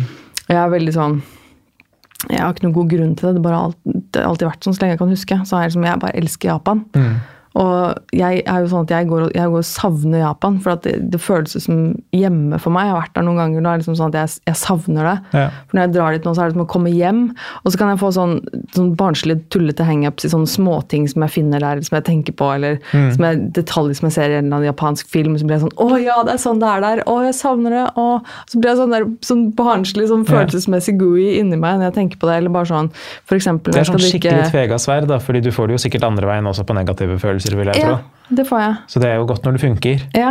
og gir Også, sikkert mye glede. Ja, og så er det ikke så veldig digg når det gjelder liksom, negative følelser. Men, eh, men jeg er sånn, jeg, jeg nerder jo helt ut på sånn Når jeg skal drikke matcha-te, f.eks., så har jo jeg ordentlig matcha fra Japan i en teboll, ordentlig tebolle med liksom bambusvispen og liksom Det skal gjøres ordentlig. Jeg er liksom veldig sånn opp, å, og så får jeg sånn absurd, latterlig, dustete glede av å liksom gjøre det ordentlig. Men det, det du beskriver der, er jo ikke absurd dustete glede. Det er jo hele Du beskriver kjernen av konseptet av å være lykkelig. Ja. Fordi det er jo irrasjonelt. Ja. All lykke som noen som helst noen gang opplever, er jo irrasjonelt. Det er ikke sånn at den personen som blir lykkelig fordi de hjalp en gammel dame over gata, eller fordi de ble nyforelska, at den lykken er mer ekte enn den Ja. du opplever. Hvis du blir så lykkelig av matcha tjent, så godt jobba, da har du fått det til. Ja, det er jo, jeg skulle gjerne tatt den, den lille absurde, nølete gleden der. skulle jeg gjerne tatt, også, tatt tak i og så strukket den utover sånn generelt i hverdagen i livet mitt. Ja, det er umulig. Det, Det er, det, hvis jeg hadde klart det, så hadde jeg nok kanskje du hadde hatt blitt det bedre. desensitivisert for det. Du hadde, hadde Ja. du hatt så mye lykke kontinuerlig, hadde liksom det skjedd, så etterpå kom Brad Pitt bort til deg, eller noen du elsker, jeg vet ikke. Så, Ja. og så hadde sånn dritbra ting skjedd kontinuerlig tida, så hadde du bare flata ut. Det er sant. Men Så- kanskje litt mer sånn, sånn spredt utover generelt. da. Ja, at jeg hadde klart å kjenne har- på den gleden litt oftere, eller med litt flere ting, kanskje. Ja, men det er jo også litt av behandlingen mot depresjon og angstlidelser, er jo å gi folk en verktøykasse. Og gi dem ting de kan gjøre, spise, oppleve, um, som de på en måte skriver ned for seg sjøl. Sånn trygge kort, go to-greier, som får dem ut av dårlige perioder. Eh, så når folk kommer til meg og vi skal gå konkret til verks for å gjøre depresjonen bedre, så er det jo ofte sånn at man ender opp med en liste over ti ting av typen 'lag deg den koppen med te'. Ja. Selv om du absolutt ikke har lyst på te i det øyeblikket, og du tenker at te er meningsløst og verdiløst, at det ikke betyr noe, og at det er jo bare vann, du kommer bare til å pisse det ut etterpå, som jeg vil tro at er sånn typisk nærliggende tanker om te når man har det dritt. Lag den likevel. Ja. Gå ut på en tur, ring en venn. altså Bare lag en liste for deg sjøl. Gjør de tingene som du veit funker. Det er ikke sånn mye mer hokus pokus til livet enn det. Gjør de tingene som gjør deg glad. Og det som, det som er fint med det, da, er at i hvert fall for min del, så lærer jeg da å sette pris på sånne ting på en helt annen måte. Når jeg generelt har hatt det så tungt og kjipt og dritt, så er det de små glimtene av øyeblikkene hvor jeg liksom kan kose meg ordentlig og finne glede i en sånn liten absurd nøleting, da. Så betyr det plutselig så mye. Da får de små øyeblikkene veldig mye verdi, da. På, en, på en god måte. Det er Ja. veldig deilig, egentlig. Da kan jeg liksom bare være den lille nerden med den tekoppen, og så er det liksom greit, og så er det deilig akkurat der og da. Og så blir Jeg det tenker. Målet må bare være å prøve å finne flere og flere sånne ting for alle som, og enhver som, som gir den type glede. Da. Mm. Som er såpass avkoblet fra omverdenen. fordi du får ikke akkurat så mye kred, regner jeg med, av noen andre for å være så god på matcha-te. Eh, nei. Det, Det- det- får vel heller kanskje noen rare blikk. Ja, men da, du har liksom funnet noe som er uavhengig av omverdenen, som ligger i deg sjøl, ja. som gjør deg glad. Det er på en måte peak lykke. I motsetning til en type lykke mange søker, som er eh, definert av ytre bekreftelse. ja. Som ikke eksisterer hvis ikke man deler det på internett, eller mm. uh, får andre folk til å høre om hvor flott man har hatt det. ja. Det og, det er, og det er virkelig et godt poeng, og veldig viktig. For den, den lille nerdetingen, den lille T-tingen, for eksempel, det er jo Mm. en ting som gjør meg glad bare for meg, bare fordi at jeg får glede av det. Ja. Og ikke, ikke en sånn som du sier, en, en glede som du får av utvendig bekreftelse, eller ja, du har kjøpt deg noen kule ting som du legger ut på Insta, og så får masse få, så kult det er, liksom. Mm. For det, det kan også gi deg en form for glede eller en stolthet, eller jeg vet ikke, men det blir liksom en annen type glede. Den derre ekte Absolutt. Jeg tror det er mange folk som sliter med det, og klarer å skille mellom hva de egentlig liker i livet, Mm. og hva man bare gjør for, fordi det er det riktige å gjøre. Ja, for den utvendige bekreftelsen, liksom. Ja, det er jo problemet med sånne rasjonelle typer som meg, f.eks. Ja. Jeg gjør jo veldig sånn som bare jobben jeg har. Altså, jeg tar ikke en hvilken som helst jobb, jeg tar en jobb som gjør at jeg blir spesialist innen så og så lang tid. Jeg går på de kursene som trengs. Det, det eksisterer jo ikke en mulighet for meg å ha en jobb som ikke gjør at jeg blir spesialist, fordi det er så viktig for meg å bli spesialist. Og Ja. jeg vet jo ikke om det er fordi jeg personlig har en glede av det, eller fordi jeg vet at innad i legemiljøet så er det viktig. Jeg har ikke Ja. sjans til å skille mellom de. Jeg, liksom, jeg er ikke emosjonelt bevisst nok til å ha mulighet til å si hva som er hva. Jeg bare gjør det. Fordi det er det riktige å gjøre. Men da tror jeg ikke jeg oppnår en like høy lykke som når du klarer å tydelig skille mellom hvorfor du liker noe. At det bare er Ja. fordi du liker det. Er det, plager det deg? Er, er det Ja, jeg skulle gjerne vært flinkere til å klare å skille mellom hva jeg gjør for min egen lykkes del, hva jeg gjør fordi det er sånn man burde gjøre. Ja. Det er vanskelig. Men er du generelt lykkelig, tror du? Jeg har ikke i, i, den, I samme gate som at jeg ikke har så veldig sterke følelser, så er jeg ikke en sånn ekstatisk lykkelig person. Nei. Ehm, og når du spør meg om jeg er lykkelig, så går hodet mitt rett over i sånn Ja, jeg har jo en trygg jobb og økonomi, og jeg, jeg rasjonaliserer det sånn automatisk. Ja. Ehm, men jeg har det medium pluss. Ja. Jeg har det liksom Jeg har det fint. ja. Kan ikke klage.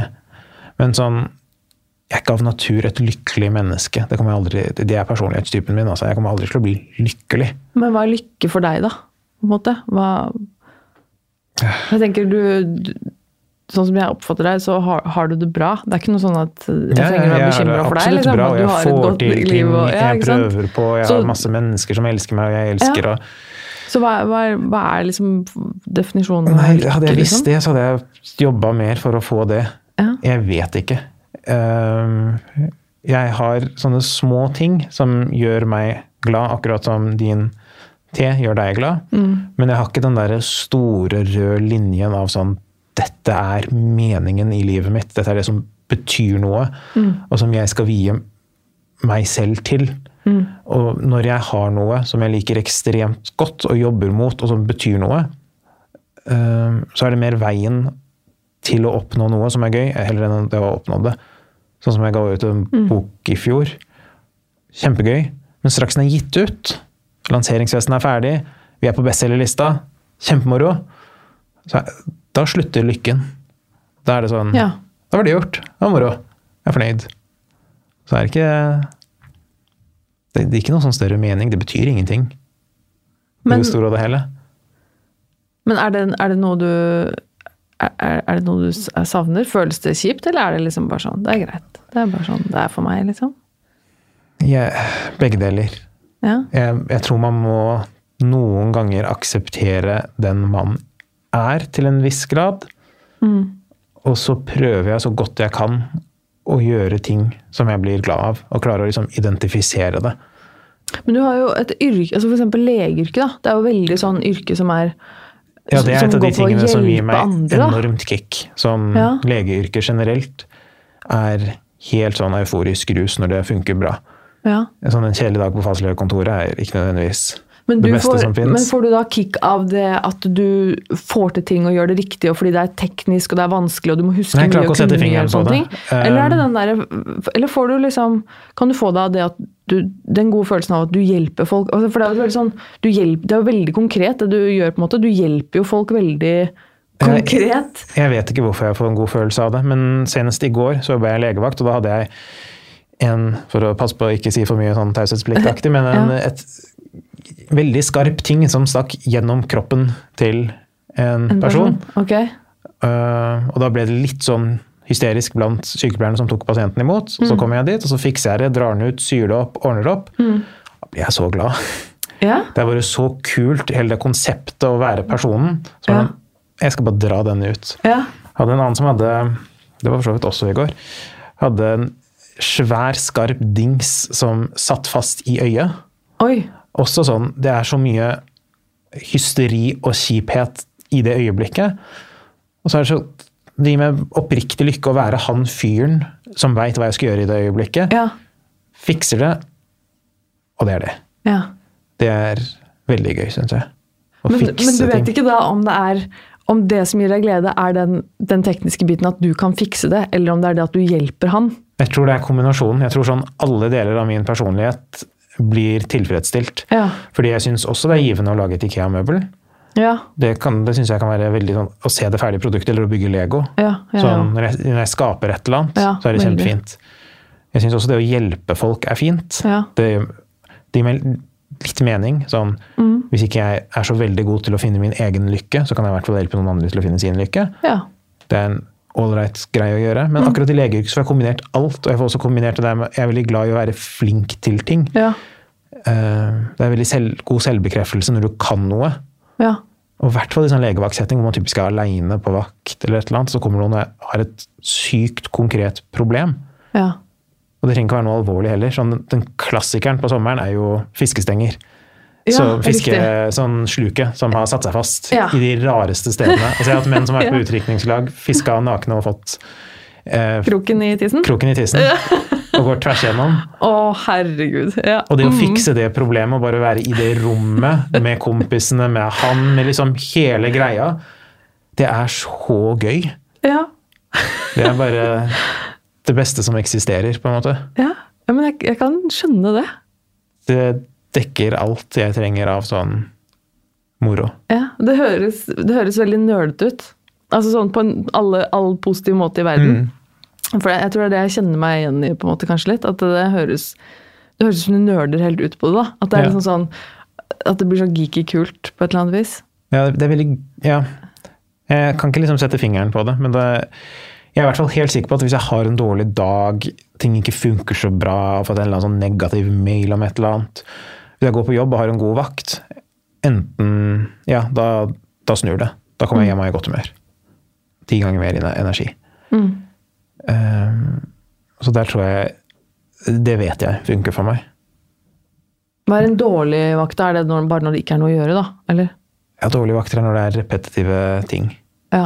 Sånn barn med feber som ikke egentlig er syke, men foreldrene er bekymra. ja.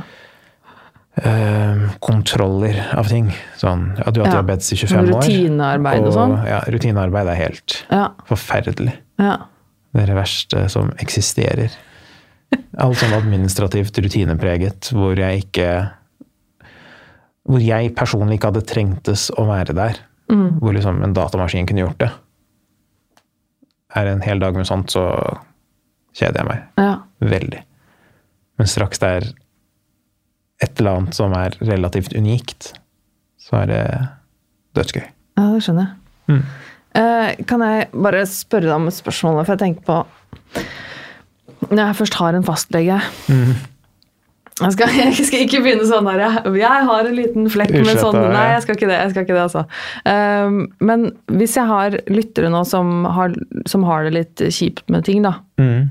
og som skal til fastlegen sin, kanskje. fordi det er ofte der man begynner, da, hvis man sliter med noe og trenger hjelp, kanskje. Mm. Så, og spesielt psykisk, så er det ofte kanskje fastlegen som er liksom det første stoppet.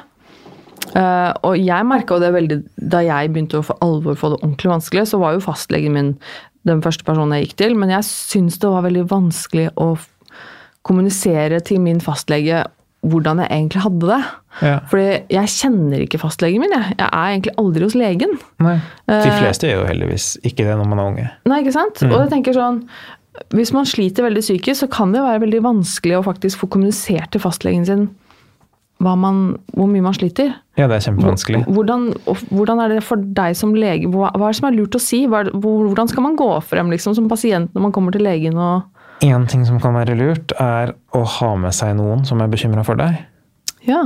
Det pleier å funke godt.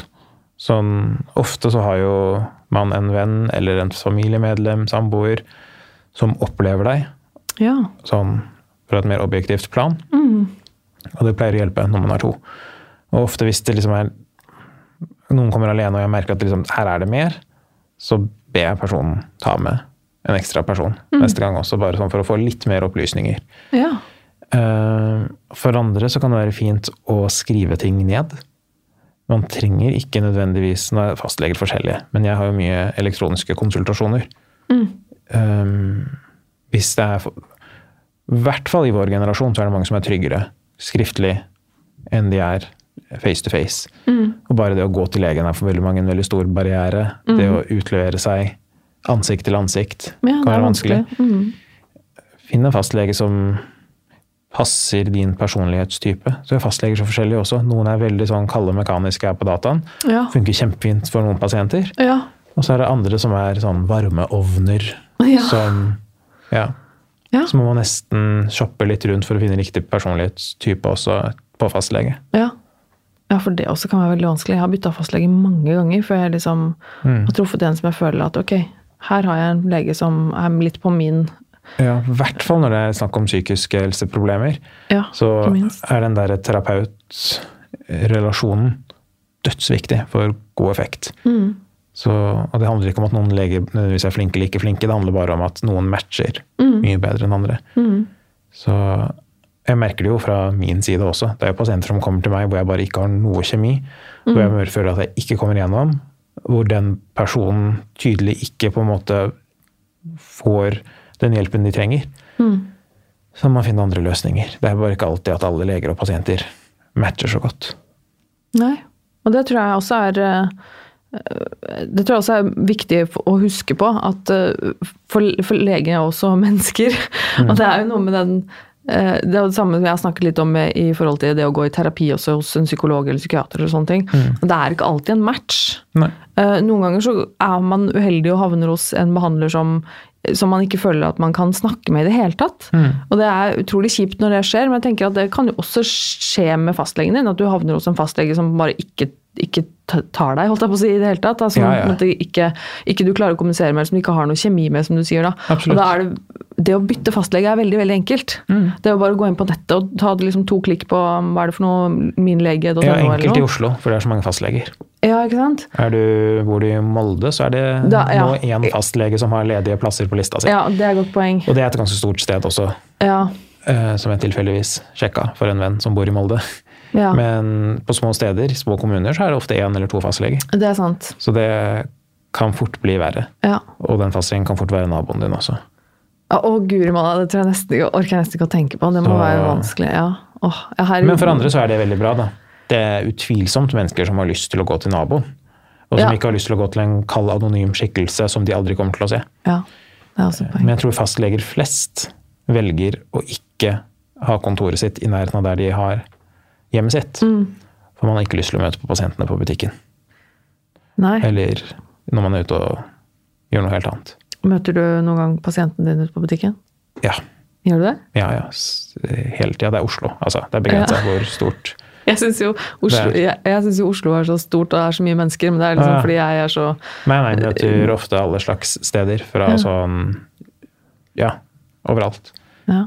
Mm, I meste så er det sånn type nikke, anerkjenne. Men selv det er tricky, fordi jeg Hvis det er en pasient da, som f.eks. går ved siden av kjæresten, og jeg sier sånn 'Å, hei', så har jeg brutt taushetsplikten. Fordi for alt jeg vet, så vil ikke den personen at kjæresten skal vite Mm. at jeg eksisterer. Ikke sant? Og da kommer kjæresten til å spørre hvem er det Ja, nei, det er ingen Ja. Altså, jeg, jeg, jeg initierer aldri en kontakt Nei. med pasienter utenfor kontoret.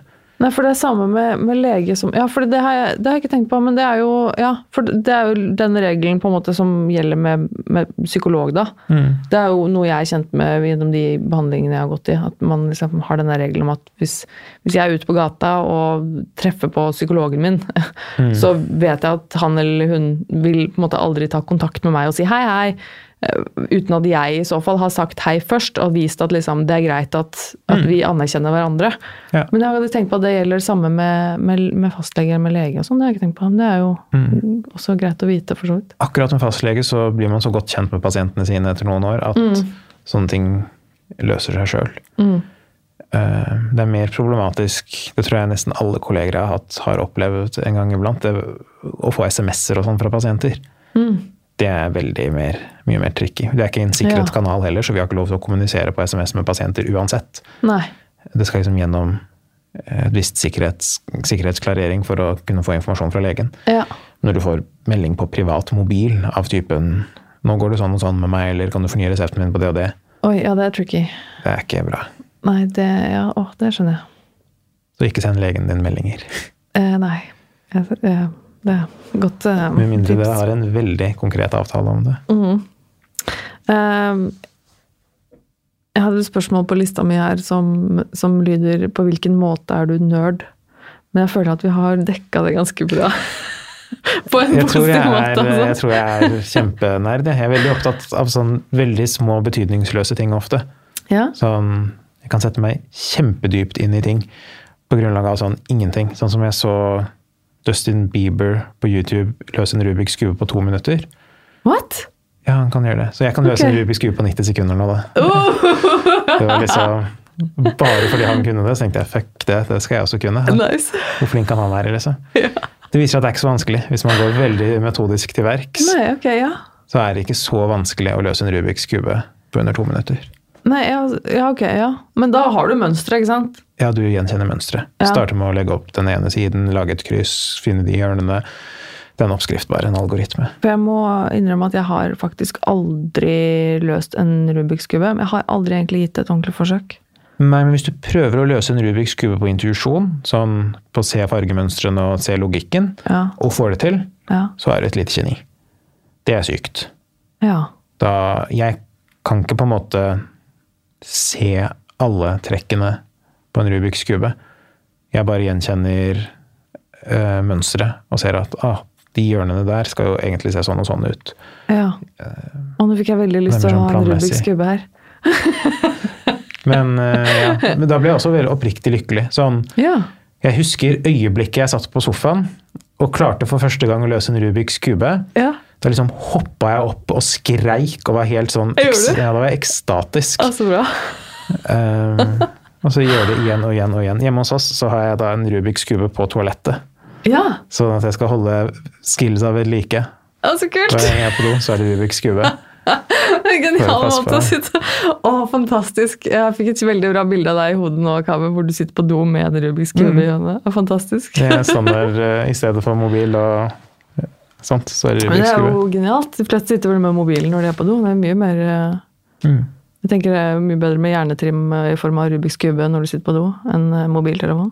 Det er veldig meditativt også, med Rubiks Ja, kube. ja. Man får vekk eh, andre tanker og forstyrrelser. Alt Ja. er bare seks farger. Ja, det kan jeg jo tenke meg. Mm.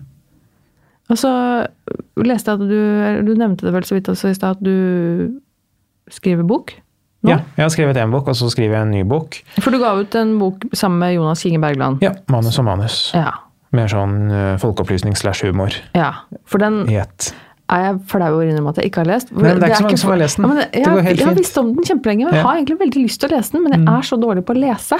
Jeg er Ja. veldig dårlig til å lese bøker. Ja. Så jeg vil helst at eh, Kan ikke du bare lese den inn på en lydbok til meg? Så tar jeg Jo. den på fem minutter. Jeg tror det var Blindeforbundet som kom til oss og ba oss gjøre det også. Få den på Ah. lydbok. Nå jeg ingen unnskyldning lenger. Nå Men neste boka mi kan du heller lese, for den er mer interessant sånn sett. Det er en roman, da. Ja, fortell. Hva er, hva er det? Det handler om en fyr som er lege, og blant tingene han opplever er en henging. Ah, eh, Det er jo ganske basert på ting jeg har opplevd, da. ja. Um, men det er en uke i livet til denne legen hvor um, Rett etter at faren har dødd, så stikker kona, og så dør broren. Sånn bam, bam, bam etter hverandre. Og så bare ser vi hvordan det påvirker ja. denne ellers så frem, fremadstormende unge legeherren. Ja. Når er det du Når den blir nist ut? Jeg veit ikke. Denne uken skal redaktøren min gi meg svar. Oi, Mm, Spennende. Så det er en kjempespennende uke. er veldig spennende. Mm.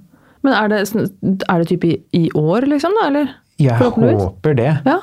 Første versjon av dette her sendte jeg til Gyllendal, og fikk den antatt i 20, januar 2017.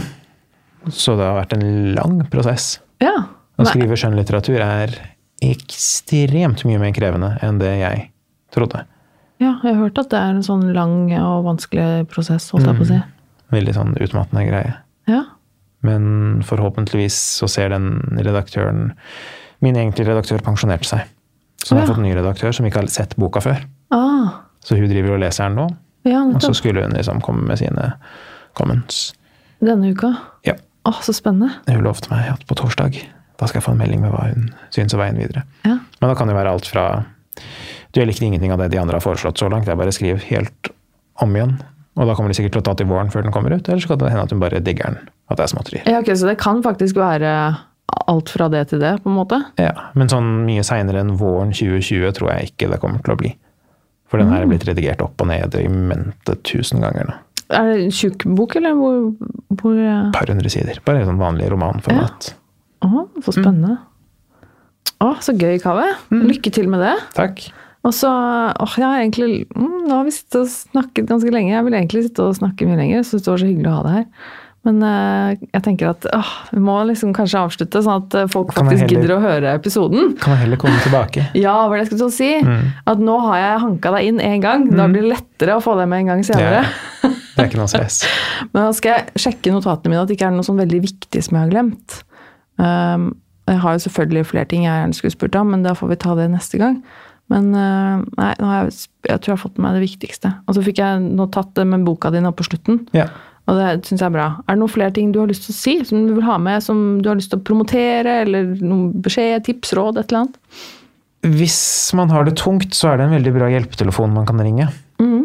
Eh, er det ikke 116123 som er telefonnummeret ditt? Mm. De har døgnåpent, alltid noen man kan prate med. Mm. Eh, det være seg om du har blitt forlatt av kjæresten og syns det er kjipt, eller om du står på en bro og har tenkt å kaste deg utafor. Mm. De kan ringes. Mhm. Døgnvakt. Psykisk helsetelefon. Mhm. Det er kjempebra. Eh, Så hvis ingen andre er der for deg, eller hvis det føles ut som om ingen andre er der for deg, så er de alltid der for deg. Mm. Og det, det lille jeg har hørt av folk jeg kjenner som har ringt dit, og sånn, det, så er de visstnok veldig veldig, veldig ålreite å snakke med. Så, og de, de får telefoner hele tiden fra alle mennesker i alle situasjoner, og det er, det er sånn Virkelig ikke vær redd for å ringe dem, for de har hørt alt, og de Ja. Ja, det er ingenting som er rart for dem. Det er sikkert og visst. Mm, det er en veldig viktig, viktig og fin ting å få med seg på slutten. Absolutt. Så må jeg selvfølgelig si tusen takk, Kave, for en kjempe, kjempehyggelig samtale. Tusen takk for at du kom. Vi høres neste uke, folkens. Ha det bra.